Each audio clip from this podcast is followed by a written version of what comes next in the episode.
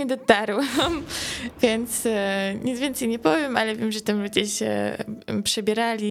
W dłuższej perspektywie można spekulować, czy, czy te społeczności przejdą na przykład w swoje metaversy. Wydaje mi się, że NFT ma po prostu taki a, zły PR bycia scamem i takim, wiesz, cash grabem typowym. Ja bym bardzo chciała, żeby kiedyś na przykład, nie wiem, prawo jazdy było w formie NFT. Um, tak, albo certyfikat ukończenia czegoś, albo nawet dyplom był soulbound tokenem. Um, ciekawy trend, który widzę wśród tych społeczności, um, to na przykład gig economy.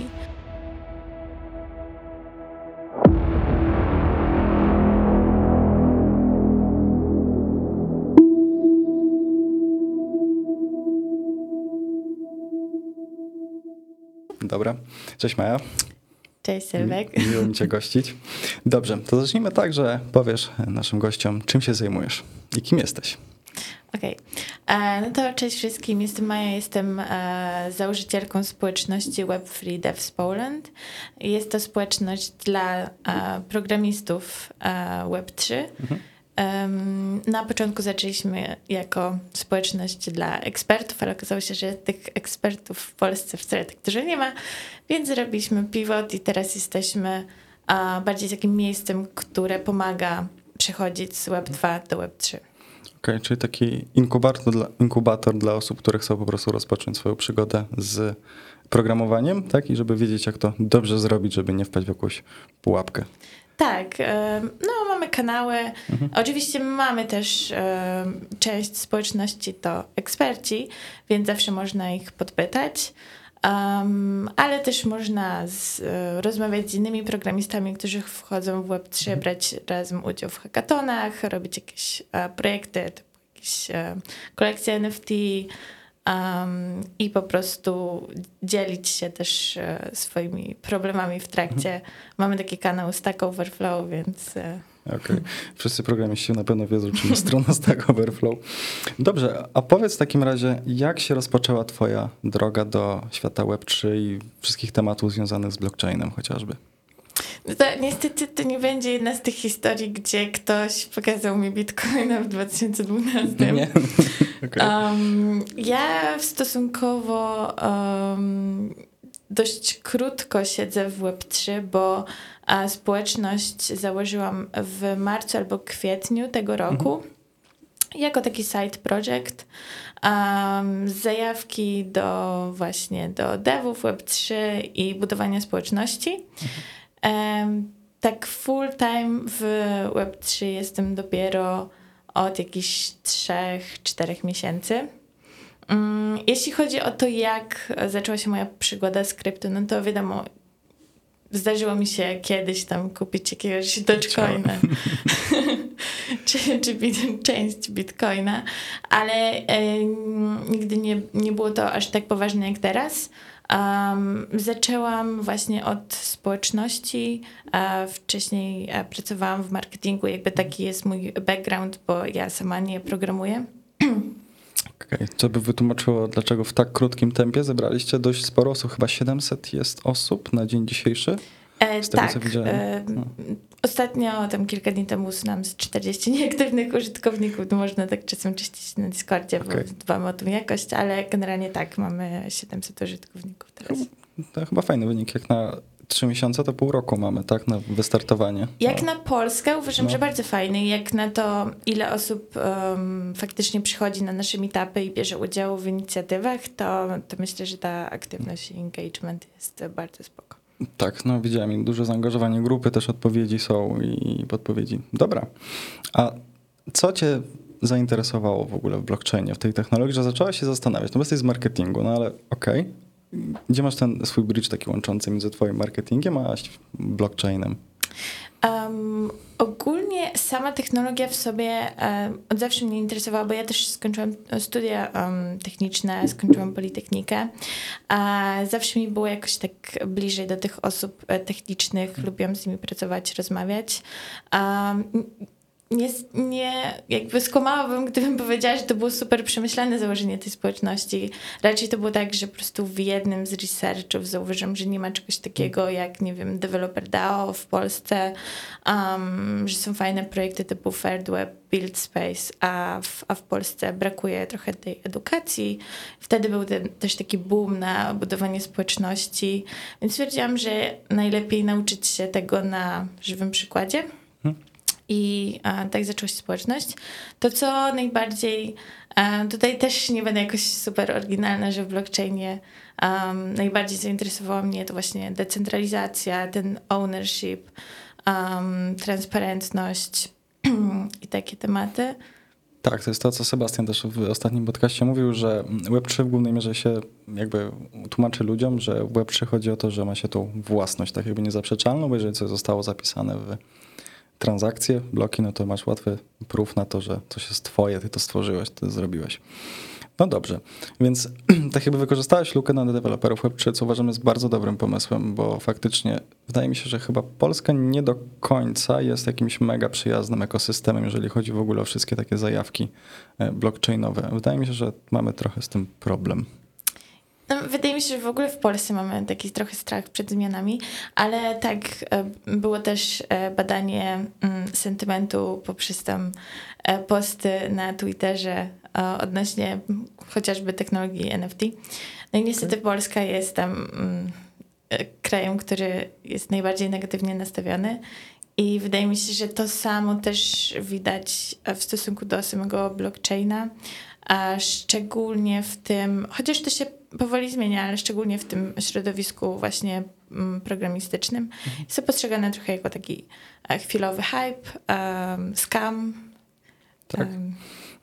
No właśnie, wydaje mi się, że ludzie po prostu nie rozumieją o co chodzi do końca w NFT. Dla nich NFT to, tak jak jest to mm, kreowane przez nasze media, to jest zakup obrazka z małpą tudzież niedźwiedziem albo kryptopunk. W ogóle informacja sprzed 14 godzin, jak nagrywamy. E, CryptoPunk, nie pamiętam którego numeru, poszedł za 3300 ETH. To jest 21,5 21 miliona złotych, nie? A Bloomberg wczoraj wyrzucił e, post, że fama na NFT umiera. No i kogo tu się słuchać, tak? Bloomberga, czy kogoś, kto kupuje obrazek cyfrowy i przepisanie własności za no, bardzo duże pieniądze, tak? No bo to nie ma jakby co ukrywać. Mm, okej, okay. A jak myślisz, jak się rozwiną te społeczności, w głównej mierze Web3 w Polsce ogólnie, tak? Wokół blockchaina, niekoniecznie tylko deweloperskie? Mhm. Um, ciekawy trend, który widzę wśród tych społeczności, um, to na przykład gig economy. Wydaje mi się, że pójdzie to w tym kierunku, że w społecznościach będziemy szukać bardziej takich uh, zleceń, krótkoterminowych niż um, powiedzmy etatów już dłuższego związywania się z firmami. Zresztą hmm. widzę to też w swojej społeczności i też jak rozmawiam z ludźmi po prostu w Web3, że oni są na przykład jednocześnie, to już taki ekstremalny przypadek, ale ktoś był po zaangażowany. na przykład. 40 projektów marketingowo ktoś był zaangażowany. Jak okay. byłam na, na evencie Solany, to tak właśnie a, ktoś mi powiedział, więc no zazdroszczę organizacji, e, jeśli to no. funkcjonuje. Um, ale wydaje mi się, że jakby krótkoterminowo, no bo powiedzmy w dłuższej perspektywie można spekulować, czy, w, czy te społeczności przejdą na przykład w swoje metaversy, a, czy to tak się skończy, ale tak powiedzmy w, na przestrzeni kilku lat to myślę, że może być tak, że w tych społecznościach właśnie będziemy szukać partnerów biznesowych, pracowników, że tam będzie po prostu takie to dosyć mhm. kompleksowe. Czyli jakbyś mogła wytłumaczyć, czym jest gig economy? Po prostu szukanie jakby pracy wewnątrz jakiejś społeczności. Tak, no to właśnie one time gig można powiedzieć, że nie wiem, robisz audyt mhm. smart kontraktu dla danej firmy i zrobisz audyt, rozliczasz się i koniec. I jednocześnie możesz po prostu um, kilka projektów prowadzić, możesz rozwijać a tam, nie wiem, swój projekt hackathonowy, który wygrał, jednocześnie tam wspomagać um, inne projekty. Mhm. No właśnie, w ogóle sam freelancing bardzo mocno wchodzi, w ogóle zwłaszcza po pandemii. E, też jakieś badania czytałem ostatnio, że w ogóle w Japonii to oni uwielbiają pracować zdalnie. Tam jest w ogóle podział, że są w głównej mierze chyba kobiety i studenci pracują u nich tak zdalnie. Już to trochę też się odchodzi od tych korporacji. No i to tak jakby też wydaje mi się pewnego przyspieszenia nabrało to przejście na taką pracę zdalną, zwłaszcza po pandemii, tak? No i to staje się coraz bardziej modne. Z roku na rok coraz więcej procent osób pracuje właśnie na freelancie w głównej mierze. Oczywiście są zwolennicy, no jak to na freelancie, gdzie emerytura, tak, emeryturę. Urlop mm. macierzyński. Urlop macierzyński, tak, tak, akurat urlop macierzyński w Polsce jest, w Stanach nie ma na przykład czegoś takiego, nie? Urlop macierzyński. Dla nich to jest w ogóle no, no ja, ja się nie dziwię, ja sama też jestem już pokoleniem, które pierwszą taką poważną pracę miało, jak zaczęła się pandemia, więc ja byłam tylko w biurze odebrać laptopa i go zwrócić. Um, no i raczej nie wyobrażam sobie e, być przywiązana do jednego miejsca. No tak, zwłaszcza jak ktoś podróżuje dużo. Do tego jeszcze dojdziemy. Mm, dobrze. Mm, a propos właśnie podróży. Mm, ostatnio wróciłaś, chyba nie, niedawno, z dużego eventu w Berlinie. Co tak, możesz więcej Tak. Co możesz więcej nam powiedzieć odnośnie samego eventu z perspektywy osoby, która sama dość mocno organizuje takie eventy w Polsce? Co tobie daje na przykład takie jeżdżenie po innych eventach? Mhm. Na pewno mnóstwo inspiracji, bo te eventy, mm, na których miałam okazję być tak samo w Berlinie czy, czy w Nowym Jorku, to jest po prostu zupełnie inny poziom eventów niż te, które dotychczas widziałam w Polsce. Mhm. A w ogóle te eventy Web3 są dla mnie takie dosyć charakterystyczne. Takie freakowe dość. tak. Um, przykładowo e, ostatnia konferencja DAPCON, jeden protokół One Inch miał jedno piętro chill zone i tam przez cały dzień, znaczy przez cały dzień, przez trzy dni konferencji odbywały się właśnie yoga, medytacja i różne takie spirytualne pra praktyki. E, I ta sala wcale nie była pusta, co, mhm. co jest najlepsze protokół, nie wiem, gelato stawia swoją budkę i, i można zjeść lody. Um, I tak samo One Inch, który ma, jak widać, e, szalonego event managera, mhm. zrobił też kinki party. um, Okej, okay. coś więcej? Niestety tam nie dotarłam, więc e, nic więcej nie powiem, ale wiem, że tam ludzie się przebierali i generalnie no, jakby Web3 jest tak takim otwartym ekosystemem.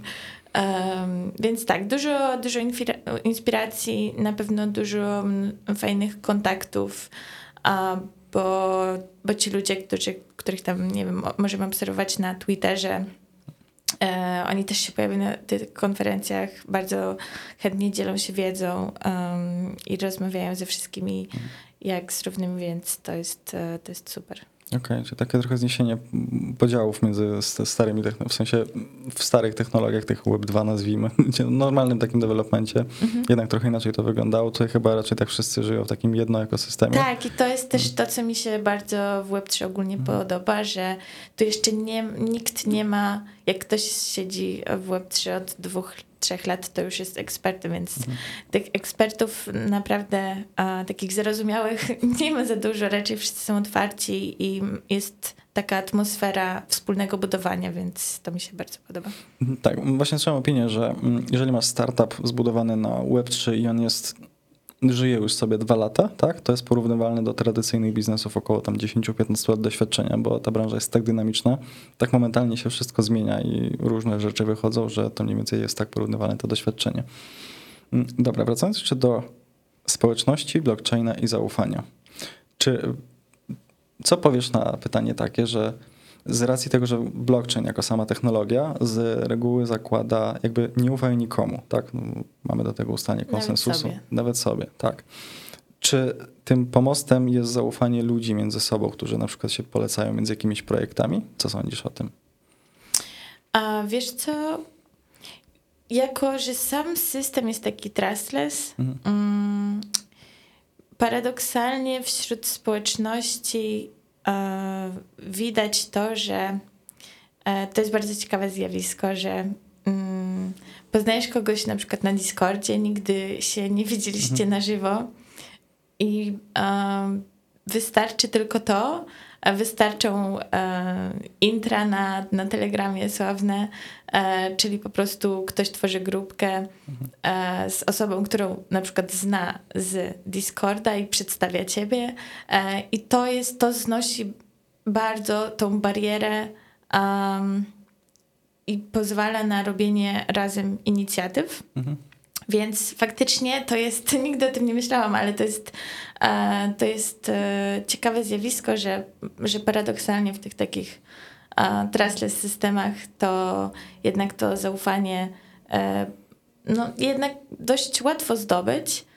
Wydaje mi się, że łatwo zdobyć, ale też bardzo łatwo i nawet szybciej można je stracić, jeżeli tak. Tak, i też um, no tutaj dochodzimy na przykład do tematu scamów i mhm. security, że to um, zaufanie też e, warto um, powiedzmy, nie warto łatwo rozdawać, szczególnie mhm. jeśli e, ktoś cię właśnie prosi o twoje seed phrases albo, um, albo róż, różnego rodzaju e, mintowanie mhm. wspólne więc e, to tak, ale mm, co do takiego właśnie e, polecania, myślę, że tutaj ciekawym konceptem są reputation tokens. Hmm. Jeszcze nie widziałam tego jakby w użyciu. Wiem, że to są takie społeczności, ale nie, nie widziałam tego na żywo, jak to działa. Tak, Szczepan chyba o tym pisał w książce mm, swojej, że jego idea tokenów, a czy ogólnie jak on rozumie tokeny prywatne, mm, to jest właśnie, że token prywatny tak jakby jest reprezentacja wartości twojej osoby, czyli jeżeli ty coś dajesz od siebie, to ten twój token jest inaczej wyceniany, możesz go na przykład potem wykorzystać jako zabezpieczenie emeryturalne w jakiś tam sposób, tak, albo w ogóle zabezpieczenie swoich finansów, ludzie też widzą, że wartość twojego tokenu wzrasta, to znaczy, że no faktycznie ta osoba jednak coś tam umie, tak, albo coś jest warta, no bo i token jest e, warty. Z jednej strony, tak jak się spojrzy i pewnie przeciwnicy zaraz powiedzą, że to jest takie strasznie mm, traktowanie ludzi tak mocno przedmiotowo, no, ale no, z drugiej strony Zalatuje tak e, Chinami czy coś. tak, Chinami. No nie wiem, czy Chińczykom pozwolą własne tokeny tworzyć, bo oni w ogóle w 22, Jezu, kiedy była olimpiada? Chyba teraz, 22 w Pekinie, tak? Możliwe. Możliwe. E, to wypuścili oficjalny release tej swojej e, waluty, oficjalnej waluty chińskiej, ale cyfrowej, nie? Czyli takich oficjalnego tego, nie wiem jak się nazywa, to nie EIN, tylko coś innego jest. Pewnie wrzucę w filmie jako podpis. No. A czy obserwujesz takie zjawisko, że z jednej dużej społeczności, tak, na przykład tak jak ty założyłaś, oddzielają się jakieś satelity, inne społeczności, które mają jakiś inny cel i potem się łączą i one sobie rosną?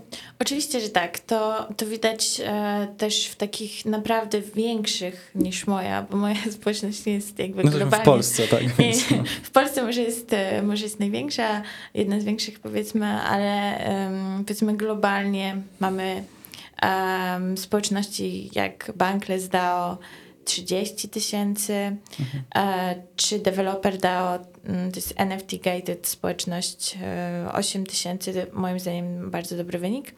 I faktycznie tam tworzą się, ma to swoją nawet nazwę subDAOs, um, które po prostu mają też swojego oddzielnego Discorda, mhm i działają jako takie satelity. Bardzo często od tej głównej społeczności mają na przykład granty albo wsparcie um, w, w, postaci właśnie ludzi. Mhm. E, w Developer DAO też tworzą się protokoły jak Eden, który tam rozwija takiego bota, który będzie maczował ludzi um, i ich umiejętności z projektami o. i oni rozwijają to jako protokół, który będzie wykorzystywało potem deweloper DAO, żeby maczować wszystkich ludzi, którzy przychodzą. Więc uważam, że jakby e, działa to tak dosyć synergicznie. E, nie jest to raczej taki, wiesz, e, rozłam i rozdzielają się i działają mhm. osobno, tylko właśnie, jak to dobrze określiłeś, jak satelity. Okej. Okay. Hmm. Miałem się pytać. Hmm. A w jaki sposób są, no bo rozumiem, że ja musiałbym jakby swoje wszystkie mm, umiejętności, jakieś skillsy zapisać gdzieś na blockchainie, tak? I na podstawie jakichś tam informacji zawartych pewnie na blockchainie sobie to mapują. Wydaje mi się, że sam, że sam protokół jeszcze nie wykorzystuje danych na blockchainie. Pewnie na początku oni mocno rozwijają mhm. AI do tego, a na tym się skupiają. Um, do końca nie wiem, jaki jest teraz status tego projektu. Pewnie koniec końców, jak już wszystko będzie działać, będą dążyć do tego, żeby było na blockchainie. Mhm. Ale wiemy też, że zwykle to jest taka ostatnia faza developmentu, ten powiedzmy tak. mainnet. Tak, w ogóle, tak się mówi decentralizacja. Tak naprawdę decentralizacja następuje w pewnym momencie, bo wszystko wychodzi od centrum. Na początku zawsze ktoś jest, kto rozpoczął jakąś inicjatywę czy chociażby z DDAO, gdzie w sumie tam chyba dwóch funderów było na początku funderów, no od wioseł, które jakby zapoczątkowały cały ruch, potem się bardzo dużo osób do tego przyłączyło. I więc, żeby coś było zdecentralizowane później, na początku chyba jednak musi być w jednym miejscu przetrzymywane, na pewno. Co do AI, to widziałem ostatnio pojawił się przetarg w Polsce na AI, ML, czyli Machine Learning, audytowanie blockchaina. A nie słyszałam o tym. Bo to ja tak szukałem w jakichś tam ofertówkach takich, e, to widziałem się pojawia, więc coś się rusza powoli chyba. To audytowanie blockchaina to jest w ogóle też mega ciekawy temat. Hmm? Powiedz coś więcej. No, w, w, my też ostatnio organizowaliśmy taki side event Crypto Mondays um, mhm. tematem było security, a szczególnie gorący temat ze względu na ilość e, exploitów mhm. um, w tym, w poprzednim, jeszcze w poprzednim roku.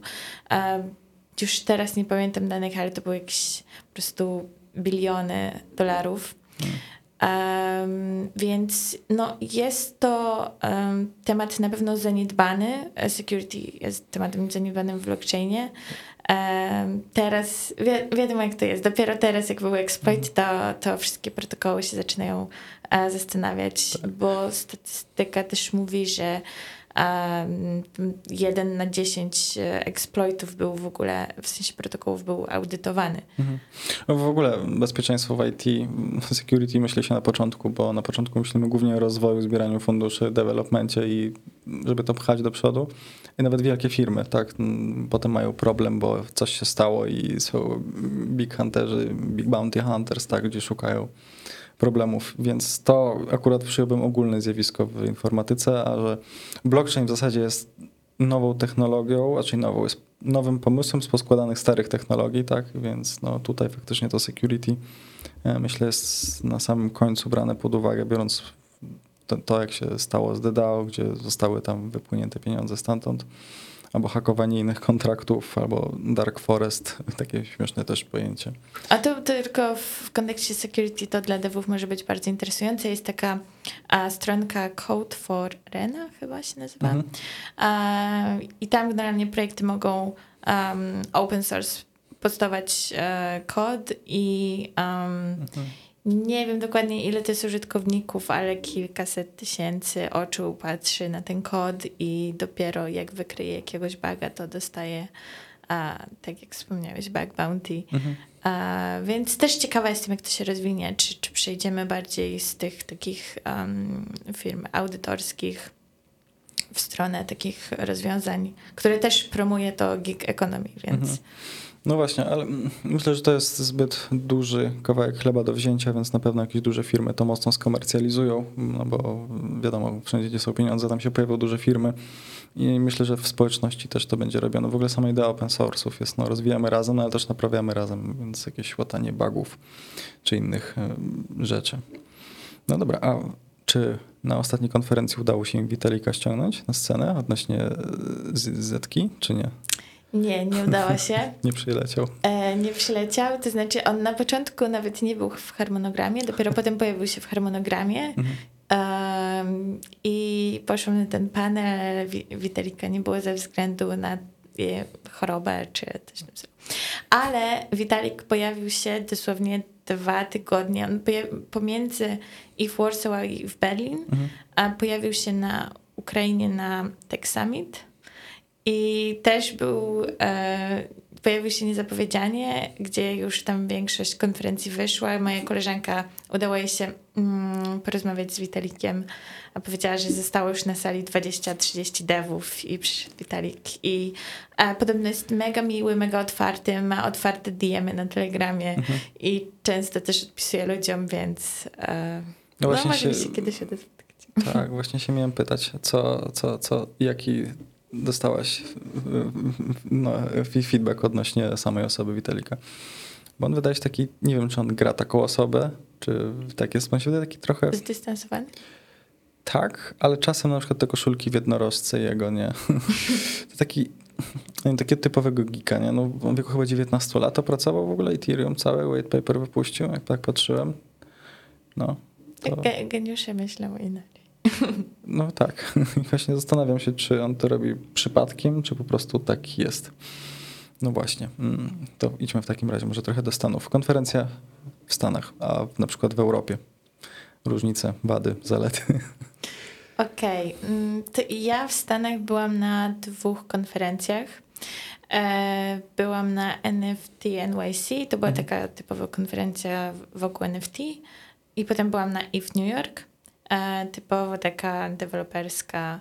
No to był, nawet nie była konferencja, tylko bardziej hackathon mhm. na kilka tysięcy devów. E, pięć pięter, e, metropolita nawet nie było, naprawdę e, ludzie, wiesz, nie, nie chodzili spać, tylko kodzili, a potem po hackathonie byli tak wyczerpani, że spali po, po kątach mm. na podłodze.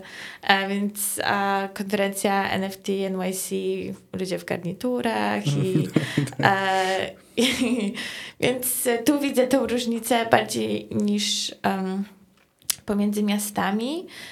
W, na pewno za granicą dużo więcej side eventów, to znaczy E, w samej Polsce było tam teraz był e, i w Warsaw, nie wiem, mhm. 5-8 side eventów, a w Berlinie to już tam powiedzmy było około 50, a, w Nowym Jorku to było 100 dziennie. To okay. nawet jak bardzo chciałeś, to nie dałeś rady na wszystkie. Um, z tego co widzę, to na przykład w Berlinie bardziej um, eventy robiły protokoły, a z kolei w Nowym Jorku um, więcej projektów NFT, uh, więc to bardziej były takie spotkania społeczności. Um, no i te eventy były po prostu totalnie uh, szalone, w sensie widać było, że po prostu uh, do każdego eventu był event manager mhm. i cały team, który chciał cały taki experience zaprojektować. Dobra. Mm. A kto finansuje takie duże eventy? Więc uh, konferencje na przykład i w New York e, finansują e, protokoły, które tam są sponsorami, ale głównie Ethereum Foundation. Mhm. Um, NFT NYC było um, konferencją biletowaną i to dość, mm, znaczy taką powiedzmy e, przeciętnie drogą. Ile gwiazd? Chyba 300 dolarów, um, jakaś wejściówka na e, bodajże 3 dni. To, to nie mm. najgorzej chyba. No nie najgorzej, w sensie ten taki chyba najtańszy pakiet. Um, z kolei, uh, no i tam też oczywiście sponsorzy. Um, jeśli chodzi o site eventy, no to site event dedykowanego projektu NFT, no to hmm. wtedy jest to w, wliczone w budżet. E, tak samo różne communities, na przykład MakerDAO, wszystko możesz w ich cudownych dashboardach no tak. governance'owych e, zobaczyć. E, a czasem side project, mm, znaczy side eventy robią po prostu projekty, protokoły też mhm. fundują, więc... To chyba ta wielkość e, eventów, satelit tych site eventów chyba wynika też z ilości uczestników. No jakby w Polsce zrobić 100 site eventów, to podejrzewam, że na 90% nikt by nie poszedł, no bo nie byłoby komu to jakieś, albo tak. byłyby po dwie, trzy osoby. Generalnie, no widać, że w Polsce dopiero to e, reczkuje, ale i tak e, super, bo przez całą konferencję i w Warsaw e, codziennie był przynajmniej minimum jeden e, side event.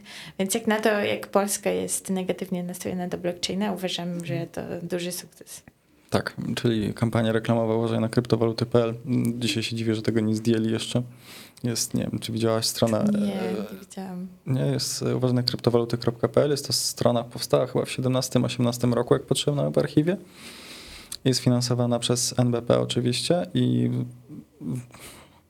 chyba pięć takich głównych powodów, dlaczego warto uważać na kryptowaluty. Naprawdę? Tak. E, jest nagrany film, że są. To, jest, to są waluty o bardzo dużej zmianie ceny, że z dnia na dzień mogą projekty Nie znikać. tak, i ostatnio cena dolara. Mm. Tak, ale postawili taką stronę i ona jest do dzisiaj utrzymywana i mało tego, ona jest zmieniana w całym stopniu. W sensie logo na przykład MBP się zmieniło na przestrzeni tych czterech lat, to zostało odświeżone, zostały dodane jakieś tam call to action nowe. Więc dalej ktoś na tym pracuje w dalszej mierze. A podobno w 2018 roku było tak, że było spotkanie właśnie odnośnie tej kampanii uważaj na kryptowaluty, a jednocześnie rozmawiali na, o digital.pl, który w końcu nie powstał, bo go zbanowali. Więc no... Hakerzy, jeśli nas słuchacie, kryptowaluty.pl. Uważaj na kryptowaluty.pl, tak, wrzucę link pod, y, pod odcinkiem.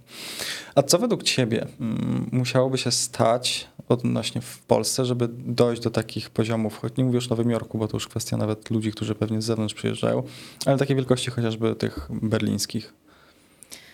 Znaczy, to są takie statystyki. W regionie niemieckim mamy 200 startupów Web3, mhm. W Polsce około 20. Czyli brakuje nam jeszcze 10 razy tyle, żeby to tak zobrazować. Ale mówisz o miejscu rejestracji, czy mówisz o korze, o core teamie i, i pochodzeniu? Wiesz co, teraz Web3 podejrzewam, że core team to bardzo często jest rozsiany po całym świecie, mhm. i, um, ale pewnie tam, gdzie głównie funkcjonują, gdzieś, gdzie są e, zarejestrowane. Mhm. E, więc co by musiało się stać? No, na pewno potrzeba nam e, więcej ekspertów i, i deweloperów, e, którzy mogliby te projekty budować, bo bez tego mhm. się nie da. Potrzeba nam pewnie, no ale to już może i na poziomie całej Unii Europejskiej jakichś regulacji. Chyba wszyscy z tym mają problem. Tak. Nie tylko Europa, myślę. myślę, że... I potrzeba nam e, pewnie większej adopcji um, tak zwanego retailu, czyli po prostu um, nawet nie znam dokładnych danych, ale nawet jeżeli teraz stworzysz produkt, który powiedzmy będzie uh, dostępny tylko poprzez um, dostęp uh, Metamaskiem, mhm. To, to twój powiedzmy market od razu się zmniejsza o E, tak. tyle osób, e, które nie mają tego Metamaska, więc um, im więcej osób będzie miało Metamaska, będzie potrafiło kupić ten jakiś token, uh, wymintować NFT albo po prostu zalogować się Metamaskiem i w ten sposób korzystać, no tym więcej będzie startupów, które będzie budowało produkty do tego rynku. Ale myślę, że jesteśmy na, na dobrej drodze. Mhm. Czyli taka też edukacja niskopoziomowa, czyli czym jest w ogóle blockchain? Czym jest Metamask? Właśnie powiedz ludziom, czym jest Metamask, ten taki piękny, to jest chyba lis, nie? Na logo. Tak, jest to lisek. Mhm. Um, Metamask jest po prostu często taką e, wtyczką, e, przez którą możesz się zalogować i zobaczyć swoje asety na blockchainie. To jest po prostu taki twój wallet, który przechowuje klucze prywatne i możesz się zalogować do różnych rzeczy. Bo większość projektów NFT właśnie wykorzystuje logowanie przez blockchain, czyli wykorzystują twoją tożsamość, tak jakby mhm. tożsamość. Już nie trzeba się logować przez maila, mhm, tak. nie trzeba wydawać wszystkich swoich danych, mhm. a tylko po prostu Czyli masz tą jedną tak jakby, możesz oczywiście mieć więcej kont, tak? Możesz te kont sobie pozakładać tyle, ile zapamiętasz, no ale tak naprawdę jeżeli chcesz trzymać jedną, załóżmy to tożsamość cyfrową, to do jednego klucza możesz tak naprawdę we wszystkich projektach się logować i gdzieś ta historia za tobą e, krąży, bo niektórzy pewnie wiedzą, że wszyscy w sumie wiedzą, że jest takiego jak Etherscan albo BlockScan, gdzie masz wszystkie swoje transakcje spisane, więc można krok po kroku zobaczyć, czy aby na pewno faktycznie zrobiłeś to, co mówisz, że zrobiłeś, bądź kupiłeś, albo kiedy, tak? Więc ta pewna tak. transparentność też wchodzi. No właśnie. Mm, Duże eventy jeszcze. I mamy dziurę. Znowu. Sebastianem miałem podobną rzecz. Dobrze, a powiedz mi w takim razie, bo powiedziałaś jeszcze, że e, w Nowym Jorku były takie z jednej strony była konferencja mocno devowa, taka mocno freakowa, z drugiej strony byli ludzie w garniturach. A czym się między takie społeczności, które wchodzą do blockchaina, czyli te dwie grupy, czyli taki duży biznes, tak, od programistów, według ciebie mniej więcej jak to, tam jest różnica? Co, kto, czego oczekuje? Wiesz co, mm, nie, nie chcę też tak e, oceniać tych społeczności, ale często się mówi w, w, w, właśnie w blockchain community o NFT bros. Mhm. Więc myślę, że na takich eventach typowo skupionych wokół NFT e, można spotkać po prostu dużo takich um, fliperów mhm. e, NFT, czyli po prostu osób, które intują jakieś NFT, e, kupują, chcą, zapisują się na whitelistę i um, z nadzieją na, na zysk e, po prostu później sprzedają je z zyskiem mhm. lub bez. No, tak.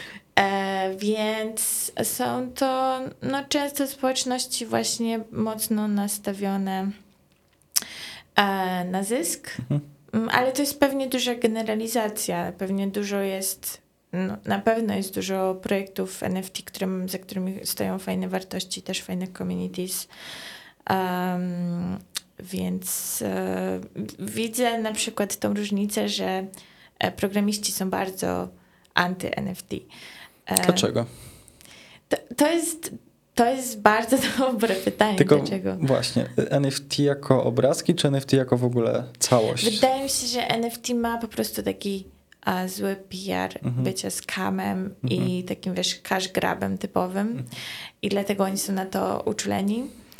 Um, bo za pomocą NFT zasadniczo można bardzo dużo problemów rozwiązać. Chociażby jak sprzedajesz mieszkanie, sam koszt sprzedaży mieszkania jest wręcz gigantyczny, bo dochodzą ci koszty notarialne, plus potem niektórzy muszą podatki płacić, obsługa, wpisy w księgach, wypisy w księgach, bardzo dużo chodzenia jest też za tym.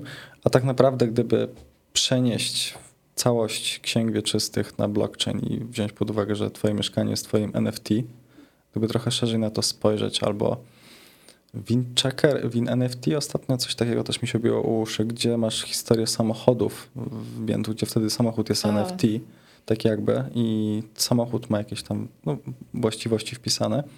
No i wtedy wszystkie naprawy, wszystkie przeglądy są wrzucane na blockchain. Nie jest tak, że ktoś ci nie wiem, cofnie licznik i wytnie katalizator i sprzeda samochód, a że no pewnie też tak się zdarzy. Mhm. Ale właśnie ja do NFT podchodzę ja to widzę tak. YouTube kiedyś też był miejscem dla kotków. Nie? Ludzie wrzucali śmieszne kotki, psy albo jakieś dziwne nagrania, a do dzisiaj ta platforma urosła bardzo mocno. Jest bardzo dużo treści zarówno edukacyjnej, jak i rozrywki. W zasadzie jest tam dla każdego coś. Tak samo się wydaje, że żeby ktoś usłyszał w ogóle o czymś takim, czym jest ten NFT, tak, i żeby to się zaadaptowało szerzej na jakieś takie bardziej use case'owe, tak, produkty właśnie jakby biletowanie, czy samochody zapisane na blockchainie, czy chociażby transport leków, to co ostatnio mój gość mówił odnośnie samolotów, że wszystkie podzespoły mogą być spisywane na blockchainie i wtedy łatwo prześledzić naprawy albo jakieś wady fabryczne, wycofywać rzeczy. No. Ja bym bardzo chciała, żeby kiedyś na przykład, nie wiem, prawo jazdy było w formie NFT. Dowód twój. Tak, albo mm, certyfikat ukończenia czegoś, albo nawet dyplom był soulbound tokenem. Mhm. A soulbound token to taki po prostu y, token, którego nie możesz y, usunąć z portfela, bo... Nie możesz go sprzedać, tak? Tak. Jak tak obywatelstwa to... na przykład. Sprzedałeś swoje prawo jazdy. Czemu nie? Ciekawe, pewnie Uberom niektórym by się przydało w Warszawie. E, więc tak, no, e, co edukacji jeszcze? A czy sądzisz, że na przykład blockchain może być dużym game changerem odnośnie edukacji ogólnie? E, na pewno, w sensie mm, to można obserwować też. E, są takie społeczności e, Mirka Burnego, z którego też wywodzi się trochę moja społeczność. Pozdrawiam Firestarters. Pozdrawiamy. Tak. Myślę, że to jest taki dobry use case, jeśli chodzi o edukację i blockchain, czyli dostępowość do kursów poprzez NFT. Kiedy już skończysz jakiś kurs, możesz to NFT komuś sprzedać. A trochę się rozwiązuje problem um, właśnie um, co zrobić z kursem, który mhm.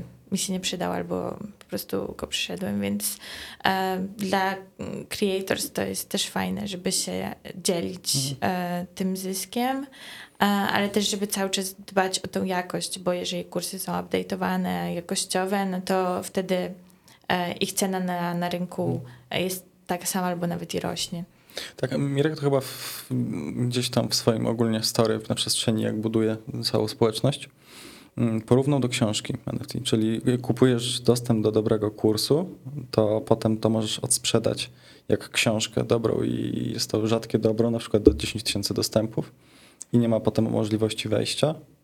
No i jeżeli jest faktycznie content na wysokim poziomie, no i to też myślę, że trochę motywuje twórców, żeby nie tworzyli kontentu na odwal się, żeby po prostu mhm. zebrać, nie wiem, po 500 zł za wejściówkę na kurs, tylko jednak trochę się przykładają, więcej update'ują i pracują z ludźmi też przede wszystkim. No bo też oni mają potem fee od sprzedaży, tak? No bo mm, zapisane jest w tokenach, że dla kreatorów też jest przecież jakieś tam wysokości fee mhm. od każdej sprzedaży, więc jak dla niego rośnie wartość, no to super, on coraz więcej zarabia tak naprawdę z tego, nie? Mhm. No. Mm, a co sądzisz o certyfikatach na NFT? A w ogóle na blockchainie zapisanych kursach, ukończeniach na przykład uczelni? E, to jest bardzo ciekawy temat, bo mhm. obserwuję to. E, są oczywiście kursy już, gdzie po każdym skończonym poziomie możesz sobie wymintować NFT, mhm. na przykład Build Space. ostatnio był taki challenge, to chyba robił Arbitrum. I generalnie widzę to, że dużo ludzi chce na przykład skończyć ten kurs, po to, żeby dostać NFT. Żeby dostać NFT. Co prawda to NFT nie jest w ogóle nic warte na rynku, ale chodzi o to, e, że oni chcą, chcą je, je mieć. E, więc myślę, że jeżeli to jest dodatkowa motywacja do nauki, to, to jak najbardziej. Ja trochę patrzę na to z innej strony. Mm, z na przykład fejkowych hakowań, znaczy hakowań uczelni i dopisywania się do rejestrów studentów. To w Polsce nie wiem, czy to jest duża plaga. Wiem, że w Stanach był bardzo duży problem z tym czasem, że ludzie po prostu płacili hakerowi, haker się wbijał na jakieś tam kartoteki uczelni, dodrukowywał mhm. rzeczy czy coś. I na blockchainie ten proceder, myślę, się ukróci, no bo wstecz nie zmienimy tego, tak? Moglibyśmy sobie zrobić forkach Harvardu, ale wątpię, że ktoś by na to by chciał w ogóle wejść, tak? Potem. Tak, i ciekawe jest też to, um, ja bym też bardzo chciała to wdrożyć kiedyś u nas mm. w społeczności, e, czyli certyfikacja, um, a później e, rekrutacja do albo projektów do firm e, dzięki tym certyfikatom, czyli mm. już troszkę zamiast jakiegoś no pewnie części tylko procesu rekrutacyjnego, czy właśnie um, ko kogoś z polecenia, no to wiadomo, może się skończyć różnie. E, no. Każdy, który, kto korzystał z jakichś e, usług, może powiedzieć, że to jest. Um, usług jakichś, że headhunterów, tak? Czy nie? nie, jakichkolwiek e, usług, zaczynając właśnie od, nie wiem, ktoś, zrobienia okay. strony, e, zaprojektowania kolekcji NFT, e, po prostu bardzo ciężko trafić na, na kogoś dobrego, nawet z polecenia. Mhm. I tak samo myślę, że taka certyfikacja, przynajmniej ten problem, powiedzmy, umiejętności mogłaby troszkę rozwiązać, um, bo ewidentnie byłoby widać, kto co skończył, kiedy. Um, Kryptozombie dostałem. Tak. Kryptozombie. Będę pisał duży kontrakt DAO na Solidity. No właśnie. Mm. I też chyba idziemy trochę w kierunku takiej większej edukacji domowej, gdzie ludzie raczej już się wolą sami kształcić, no bo ten obecny system edukacji raczej nie daje nam takich praktycznych, mocnych umiejętności. Więc myślę, że w tą stronę też ta certyfikacja faktycznie by dobrze pochodziła i ta niezbywalna, tak, tak jak mhm. powiedziałaś. Obywatelstwa niezbywalne. Dobra. Mm. A jakim, właśnie zaczęłaś e, temat rozwoju społeczności. Mm, jakie masz jeszcze plany na rozwój Co byś chciała tam jeszcze zrobić w Web3? Jak bardzo byś chciała jeszcze pomieszać? E, naszą misją przede wszystkim jest to, żeby właśnie rozwijać Web3 w Polsce. Mhm. E, uważam, że mamy bardzo utalentowanych programistów, więc ten potencjał tu jest. Mhm. Kwestia przejścia kilku barier tej niechęci do blockchaina, braku może jeszcze materiałów, jakichś takich programów, e, które pomagałyby ci przejść z Web2 do, do Web3.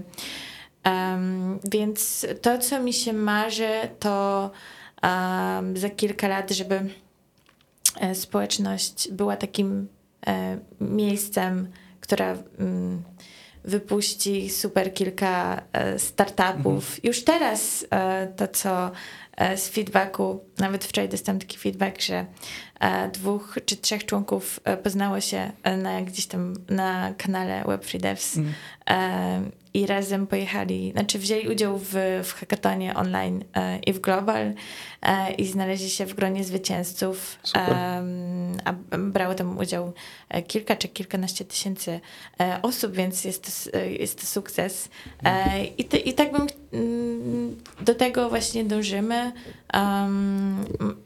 Być może uda nam się zrobić, już rozmawiamy z różnymi protokołami, właśnie bootcampy, robimy teraz e, z takich większych projektów e, hackathon w Berlinie przy, e, przy konferencji taki na 5000 uczestników. My będziemy mieć Super. 200 devów, ale no to są wszystko inicjatywy, które pozwalają zebrać te pierwsze doświadczenia mhm.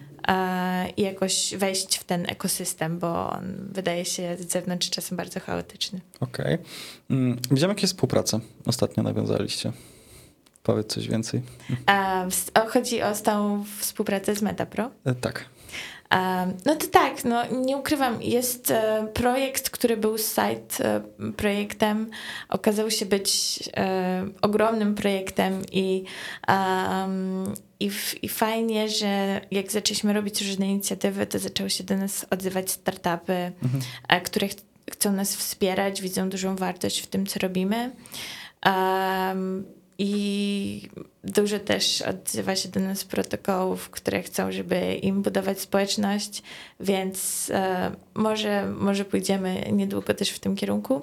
Mhm. E, ale tak, nawiązaliśmy stałe e, partnerstwo z, z Metapro. Mamy taką zasadę, że współpracujemy z, z polskimi e, protokołami, w które bardzo wierzymy, więc tutaj po, pozdrawiam też Hashup e, czy Cookie Free um, i, i, też MetaPro. Mhm. E, jedziemy też z nimi 7 e, października na, na konferencję Poznań, e, Poznań Game Arena mhm. i tam będziemy e, starać się w, troszkę uświadamiać e, game dev, e, ten obszar, jeśli chodzi o to, jakie są możliwości w Web3. Mhm. Dobra, mm, teraz pytanie, bo tak naprawdę sam twór społeczności no nie jest czymś nowym. Tak mieliśmy od zarania dziejów, tak naprawdę odkąd powstał internet fora, chociażby internetowe czy listy mhm. mailowe. Skąd bierze się ta różnica, że ludzie przez świata Web3, mam wrażenie, chętniej ze sobą kooperują w porównaniu do takich, nie wiem, forów inter internetowych? Wiesz co, wydaje mi się, że e, pandemia na pewno ma tutaj um, hmm przyczynę e, częściową, ale druga, e, którą widzę, to niszowość Web3 mm. i e, i wiem to z feedbacku od programistów, którzy na przykład zainteresowali się blockchainem i chcieli e, pozyskać więcej wiedzy albo zrobić jakiś projekt razem. A wiadomo, jak to jest, natkniesz się na jakiś błąd, nie mhm. wiesz, jak go rozwiązać, chcesz się z kimś skonsultować i poruszali ten temat na przykład u siebie w firmie albo na innych meetupach, mhm. takich typowo nieblockchainowych. E, I tam zostali wyśmiani um, i, i nie znaleźli um, tego um, wspólnego języka. I potem przychodzisz do społeczności Discordowych, gdzie prawdopodobnie każdy y, miał styczność z blockchainem. Są społeczności tam wokół jeszcze gamingu. Mhm. E, tak statystycznie mi się wydaje. Um, ale większość tych społeczności na Discordzie to jest właśnie Web3, e, gdzie już nie musisz właśnie tłumaczyć ludziom, czym jest MetaMask, mhm. e, dlaczego kupiłeś takie NFT albo takiego coina i gdzie możesz po prostu um, nawiązać rozmowę na, na głębszym poziomie um, i też myślę, że czasami czujesz się po prostu jak u siebie mhm. e, dzięki temu. Dobra. Mm. A czy myślisz w ogóle, co sądzisz o Discordzie jako platformie? I czy myślisz, czy na innych platformach, typu, nie wiem, Signal, Telegram, mogłyby takie podobne inicjatywy się rozwinąć? A wiesz co, no Discord to jest taki love-hate relationship, czyli e, bardzo dużo tam siedzę um, i wolę na przykład w ilu grupach jesteś liczbowo? Pewnie każdy ma taką ścianę wstydu po lewej stronie e, i tam 100 Discordów, do których dołączył. W stówce czy więcej? Nie pochwal się. E, może, może być więcej. Staram się co jakiś czas e, usuwać, ale wiesz, robimy teraz ten hackathon, więc mm. wchodzę często na Discordy protokołów, rozmawiam tak. tam z ludźmi. Um, Steamu, e, więc tak. Może zrobię tutaj na wallu takie punkciki, kto ma więcej e, no, grup na, na Discordzie. A co sądzisz tak jakby głębiej o samym Discordzie? Um, no, uważam, że jest to platforma bardzo chaotyczna. E, troszkę nieintuicyjna. Na początku na pewno. Na początku jest masakra. Um, nie widziałam jeszcze, co prawda, po prostu lepszego um, rozwiązania. Telegram jest fajny i dużo też kryptospołeczności tam funkcjonuje. Tak, w ogóle wydaje mi się, że Telegram urósł, e, znaczy większość tych inwestycyjnych społeczności z 18, mhm. 17 roku po 12 roku, po 14 po bańce, e, w głównej mierze właśnie jakieś grupy sygnałowe, czy takie społeczności stricte inwestorskie powstawały na Telegramie, teraz widzę trochę migrują, y, migrują do Discorda. Mhm. No to jest, jeżeli robisz społeczność, która jest chociaż trochę projektowa, to moim zdaniem na Telegramie to się nie uda, bo można, no, zginie wszystko w, w takim nie spamie, będzie. powiedzmy. No e, a te, te kanały trochę ratują możliwość e, tam spotykania się, E, na kolach, na kanałach głosowych. Mhm. E, no ale może, może będzie coś lepszego. Wiem, że jest projekt polski um, Spacely, e, który robi alternatywę do Discorda, ale jeszcze nie miałam okazji używać, więc mhm, ja mi powiedzieć. W ogóle pierwszy raz słyszę. No właśnie, Discord. Też chyba czasem, na przykład ja jestem na Discordzie Ethereum, tym głównym Discordzie Ethereum i podejrzewam, że stamtąd dostałem, w ogóle wczoraj wygrałem 0,89 bitcoina. Nie wiem, czy wiesz, jestem całą instrukcję. Wow, Jak za to? Za, po prostu jestem wybrany przez jakiś tam algorytm. Ja i jakieś tam dwie osoby jeszcze. Oczywiście to skam, tak? Więc mm. dostałem całą instrukcję po, krok po kroku, dostałem jakiś kod super i tam były pokazane inne stawki, czyli były trzy osoby, ja byłem po środku, ta osoba przede mną miała chyba 0,4 e, bitcoina, następna po mnie 0,7, więc ja miałem najwięcej. Ale też e, dosyć mało. Zwykle są takie, wiesz, skamy. No może chyba już trochę skamy, się opanowali, że Aha. jednak nie będą dawać pół miliona, tylko dadzą 0,8 bitcoina to jakieś 18 tysięcy, jakoś tak, 19-18 tysięcy. No to też nie mała kwota, tak? Mhm. Więc pewnie niektórzy się połaszą na, na to. No, już skończyliśmy spadki tak jak dużo maili kiedyś krążyło ze spadkami, że dostałem spadek i jestem afrykańskim księciem i nie mam co zrobić z pieniędzmi, więc cię wybrałem albo jakimś tam trackerem, którym w Blackjacku coś wygrał. Teraz OpenSea jest bardzo takim, ja dostaję dziennie tyle maili, nie klikajcie w maile za OpenSea. OpenSea. Że ktoś licytuje e, NFT, którego nawet nie kupiłam za uh, mhm. jeden ether czy, czy coś. Tak, albo dziwne airdropy tylko musisz się podpiąć tutaj. Nie? Potem budzisz się rano i masz zero na wolecie. E, dobra, miałem się jeszcze pytać e, właśnie. Mm. Widziałem też rozwiązania kanałów głosowych. Niektórzy jakieś silent worki, że się podłączają pod kanały głosowe i pracują sobie tak po prostu na Discordzie. Ja do Discorda lubię tą platformę, mm, natomiast tak mocno backgroundowo, biorąc pod uwagę ich stack inwestycyjny i pochodzenie i parę innych rzeczy, chociażby brak szyfrowania wiadomości, podchodzę z taką dużą dozą. Jesteś Signal fan? Nie, Signal fan też nie jestem. Signal, fan, Signal w ogóle jest przez Rosjanina wymyślony. E, słyszałam, że na jakieś lepsze szyfrowanie ogólnie. W sensie najlepsze z tych wszystkich dostępnych. E, tak, jeżeli ktoś chce robić przekręty w Sejmie, to zachęcam do instalowania Signala. Bo generalnie Signal polega na tym, że ma wiadomości jakby haszowane w, w, na telefonie bądź na komputerze, czyli na urządzeniu, z którego prowadzisz konwersację, a Discord w ogóle nie ma tej szyfrowania. Te wiadomości sobie latają tak po prostu, tak jak są. I nawet na YouTubie jest taki długi, 45-minutowy chyba film opowiadający o piekle Discorda, czyli o powiązaniu Discorda z Chinami, o całym zapleczu, dlaczego Discord powstał, kto jest founderem głównym Discorda, dlaczego to się tak dzieje i cała machina zła Chin, inwigilacja i wszędzie kamery. No, a propos Discorda. Ale tak, myślę, że bardzo ułatwia Discord na ten moment pracę. Zobaczymy. Chętnie, chętnie zobaczę później ten film. Tak, to, to, to, to, to ci podeślę. Tam nie tylko odnośnie Discorda jest to pokazane, odnośnie jeszcze TikToka e, na A pewno. To, tak, to słyszałam. Że tak, ta imersyjność TikToka mocno, bardzo mocno wpływa do, do NFT, ale od NFT mówię, do Discorda i właśnie tam też są powiązania TikToka z Discordem w jakiś tam sposób powstały. No są ciekawe inicjatywy w Polsce. Właśnie. E, twoim zdaniem takie najfajniejsze inicjatywy w Polsce, które teraz powstają? Okej. Okay. Um, fajne projekty w Polsce, powiedziałabym. Oczywiście y, wszystkie, z którymi współpracujemy, ale to naprawdę mhm. jest po prostu stoję za, nich, za nimi e, sercem i mega wierzę e, i mega trzymam kciuki, żeby się udały.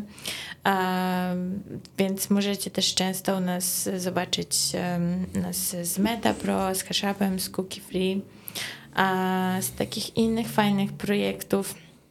Na pewno Redstone, dużo devów mówi, że mają fajny jakościowy kod um, ramp, który oczywiście dużo ludzi może kojarzyć. Fajna adopcja, mhm. adopcja krypto, na pewno e, ułatwienie. Um, jakie mamy jeszcze projekty fajne w Polsce do obserwowania? Olympics to jest taki fajny silnik do, do gierek Play to Earn, robiony przez Daft Code. Dobra, zanim przejdziesz dalej, e, wytłumacz mniej więcej pokrótce, czym się zajmują. Cookie 3 i Hashup już miniemy, bo już Sebastian wytłumaczył w poprzednim podcaście, czym się zajmują. MetaPro. Co robią i co jest takiego fajnego? A, o, jeszcze muszę wspomnieć o projekcie iDris. E, który też co-founderem jest e, Polak, którego poznałam w, tym, e, w Nowym Jorku. Więc um, pokrótce, Cookie Free jest, żeby to tak zobrazować, zdecentralizowanym Google Analytics, czyli prowadzi tą taką analitykę on-chain. MetaPro ma protokół standaryzujący um, asety w, w metaversie i też w gamingu. Oprócz tego jest walletem do tych, e, do tych asetów. Idris jest takim fajnym protokołem, który pozwala skomplikowany adres publiczny portfela zamienić na Twitter handle albo twojego e-maila. Czyli te wszystkie jakby skracacze tak, linków takie, tak? Już nie wysyłasz do 0x czy mhm. 6, tylko po prostu do małpa y, Cholewka i mhm e, od razu ten mój portfel e, się tam podpina. Mm, o czym jeszcze? Ramp? E, ramp. No to e, ramp pozwala na płatność, w, na szybkie przerzucenie tak zwanego fiatu do krypto mhm. i, i też płatność za różne rzeczy nie poprzez Metamaska, tylko właśnie na przykład e, podpianasz kartę i mhm. od razu z tej karty przerzucę ci. E... Czy taki crypto stripe trochę, można tak, tak powiedzieć. Dobra. Mm, Redstone? Redstone robi um, Oracles, e, czyli, czyli wyrocznie, wyrocznie a są uh, alternatywą do, do Chainlinka, bardzo bezpiecznymi wyroczniami. Hmm. Czym jest wyrocznie? Czyli Co mi przepowie? z, z wyrośniami jest taki problem, że one muszą być po prostu bardzo, um, bardzo bezpieczne ze względu na to, um, że są taką furtką e, mhm. pomiędzy smart kontraktem aplikacjami, tak, tak a, a danymi na zewnątrz. Mhm. E, więc zawsze koszt, powiedzmy, zhakowania musi być wyższy niż, niż te asety, które tam są przechowywane. Hmm. Dobra. Mm, Redstone, bo nie powiedzieliśmy chyba. To jest wyrocznia, tak? Tak. Tak, tak. Redstone nam jeszcze drugi produkt to są um, tu nie do końca wiem, ale uh, są smart kontrakty na Arweave mhm. uh, i one zajmują się um, to jest storage uh, i taka właściwość, że one są tam przechowywane wiecznie, czyli powiedzmy to, co tam zostanie wrzucone, to tam powyżej chyba 100 lat, więc... Okej. Okay. Dobra, mam teraz takie dwa pytania na koniec. Hmm. Co sądzisz ogólnie o idei metaversu? Jako osoba, która dość dużo chyba podróżuje. Hmm, jak osoba, która dużo podróżuje, ma zdanie o metaversie, gdzie siedzimy w domu i się ewentualnie możemy podpiąć VR-kami? Wiesz co, nie, nie chcę mówić, że jestem przeciwna, bo nie miałam okazji tak spędzić e, całego dnia. Okej, okay, jeszcze nie miałem jeszcze? okazji minuty nawet tak spędzić, rzucałem dniu więc, więc mam taką cichą nadzieję, że ten świat nie przejdzie do metaversu, um, że cały czas będziemy mieć ten kontakt e, z naturą, z innymi ludźmi, um, dlatego że no nasze, ja też bardzo się interesuję neuronauką i um, nasze ciała jeszcze nie są y, mózgi, e, wszystkie te neuroprzekaźniki, mhm. to nie jesteśmy przygotowani do nawet do siedzenia przed komputerem 8 godzin dziennie. Więc siedzenie cały dzień w metaversie a uważam, że... Można stać. Tak, są, że na zdrowie psychiczne wpłynęłoby dramatycznie źle, więc mam nadzieję, że nie Tak, podobno tego. błędnik masakrycznie szaleje w Google VR na samym początku, jak ktoś nie jest przyzwyczajony i zaczynasz ta postać, którą zakładasz VR-ki i zakładasz jeszcze, nie daj Boże, słuchawki, gdzie cię całkowicie odcinają od otoczenia i ta postać, którą ty jesteś, zaczyna się poruszać, to niektórzy ludzie potrafią mdleć na przykład, no bo ich błędnik... A to ja nie chodziłam jeszcze w tych okulusach, yy, tylko siedziałam, ale no, no, myślę, że jeżeli zwiększy się dostęp i faktycznie będzie tak, że praca będzie w metaversie, to będzie bardzo, bardzo uzależniające. Ja właśnie e, tak bardziej już devowo patrzyłem, e, żeby zamiast kupować dwóch, trzech monitorów, Oculus ma możliwość wyrzucenia pulpitów i nawet widziałem na YouTube, ja chciałem kupić, ale się powstrzymałem, że odpalasz sobie Oculusa i odpalasz sobie ekrany przed sobą, więc zamiast mieć jeden komputer i nie wiem, na biurku jakieś ekrany, to masz na przykład taki clean desk jak ten stół i masz tylko klawiaturę i nie wiem, jakieś tam rękawiczki czy jakieś tam kontrolery i sobie siedzisz i sobie pracujesz w tym metaversie, nie? W zasadzie masz jakiś tam piękny pokój, nie wiem, nie podoba ci się widok za okna, to sobie pach jakaś tam plaża i sobie siedzisz i masz monitory, nie? No chociaż to też mogłoby być fajne, bo przeskakiwanie przez wszystkie zakładki w ogóle sobie czasem wyobrażam, że będzie tak, że wystarczy jeden ruch dłoni i po prostu gdzieś to będziesz mógł przenieść, wysłać. Mhm. E, więc w kontekście pracy, no dlatego mówię, nie, nie mówię kategorycznie nie, zobaczymy, um, ale nie chciałabym na przykład, żeby uh, zastąpiło to podróżowanie um, albo całkowicie właśnie spotkania z innymi ludźmi. Mhm.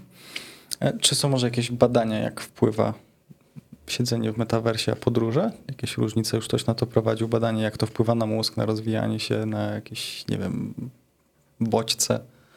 Wiesz co, um, wiem, że są jakieś badania, nie miałam czasu e, tylko się wczytywać już właśnie e, w kontekście VR-u z, z 2015 do 2017, mhm. więc um, mam nadzieję, że do teraz są już jakieś y, wnioski. E, no ale na pewno są badania, jak wpływa siedzenie przed komputerem tyle godzin, e, jak nasz właśnie układ nerwowy mhm. cierpi. Um, i, wszystko, wszystko wokół, ta nierównowaga neuroprzekaźników i, i w ogóle, więc Jestem ciekawy, jak sobie poradzić z tym pokoleniem, które wchodzi teraz w ogóle gdziekolwiek, czyli po 2010 osoby urodzone tam 10-11 lat mają. One się w zasadzie rodzą z telefonem tak naprawdę w ręku, no bo jak się czasem spojrzy, to ci rodzice wrzucają jakieś tam te baby fit shark czy coś tym dzieciom, dzieci siedzą i TikTok bardzo mocno pochłania przecież. E, tak, zresztą no, są już, nie przytoczę konkretnych danych, ale um, jakby attention span, czyli ten taki powiedzmy focus time na przestrzeni pokolenia, on się z, zmniejsza. Z 8 do 4 sekund chyba na początku. E, możliwe. Mhm. są też badania, że um, jeśli pracujesz e, i ktoś zrobi takie e, ciekawe badanie, e, ktoś pracował i mu nie przeszkadzano, a potem mm, druga grupa badawcza e, też pracowała i przeszkadzano im mhm. chyba co, co 6 minut. Um, I te zadania e, były wykonane, jakby wykonali to ludzie z o wiele mniejszym IQ. No i teraz e, przeszkadzanie co 6 minut. Myślę, że to już nawet jak nikt nam nie przeszkadza, powiedzmy, nie, nie dostajemy żadnych powiadomień, to i tak mamy odruch, żeby je sprawdzić. Mhm. E... Phantom Vibration nawet coś takiego jest podobno, że jak wydaje ci się, że telefon ci wibruje w kieszeni. Tak. To są te wibracje fantomowe. Więc no, myślę, że raczej to ma negatywne. Okej. Okay. Dobra. Mm. Z twojej perspektywy, jakie byś chciał usłyszeć porady, e, wchodząc w świat blockchain? Jak zaczynałaś swoją drogę? Co by ci ułatwiło? Co by ci pomogło? Um, pięć porad. Okej, okay, pięć porad. No to po pierwsze, to, to zero zdziwienia, ale dołączajcie do społeczności. Mhm. Um, społeczności Web3 są bardzo otwarte um, i dużo tam można się dowiedzieć. Na pewno e, szybciej e, można tam e, zdobyć doświadczenia w jakichś inicjatywach mhm. niż ucząc się samemu, a potem czekając na zaakceptowanie oferty hmm. o, o, pracę. E, druga porada to właśnie bądźcie tam aktywni, pytajcie. Nie bójcie się. Nie bójcie się, bierzcie udział w kolach różnych. Tam wszyscy chętnie pomogą. Nawet jak czegoś nie wiecie, to zgłaszajcie się i proście o dodatkową pomoc. Też właśnie E, rozmawiajcie z innymi ludźmi, próbujcie, mm, dołączajcie do różnych gildii, um, używajcie też skilli, które macie w Web 2 w, do budowania Web 3. Trzecia porada to bierzcie udział w Web3 eventach. Mhm. E, można tam spotkać cudownych ludzi, zainspirować się, podławać pierwszą pracę, dowiedzieć się o ciekawych projektach, poznać founderów. Naprawdę uważam, że to jest boost, tak. jeśli um, wiążecie z tym przyszłość albo po prostu chcecie um, spróbować. Um, powiedziałabym jeszcze, uh, dużo się uczcie. Uh, krypto Twitter jest też niedocenianym źródłem. W krypto się dzieje mhm. uh, bardzo wszystko szybko, więc polecam założenie Twittera. Niekoniecznie musicie mieć jakiś duży following, ale po prostu e, obserwowanie tego, co się dzieje na bieżąco. Dużo można wiedzy wyciągnąć, znaleźć fajne artykuły mhm. i źródła. No i też dbajcie o bezpieczeństwo. Myślę, że jakieś takie poczytanie o podstawowych zasadach, jak nie zostać oskamowanym, żeby po prostu się nie zrazić do tego świata bo, bo skam czeka niestety e, tak. na każdym rok, kro, e, kroku i e, no, tak jak ostatnio też występowałam w jednym panelu i jeden z panelistów powiedział, że wszystko, co wydaje się too good to be true, mhm. to jest prawdopodobnie skamem. Nikt ci nie chce dać jednego bitcoina, niestety. Ani 0,89, niestety.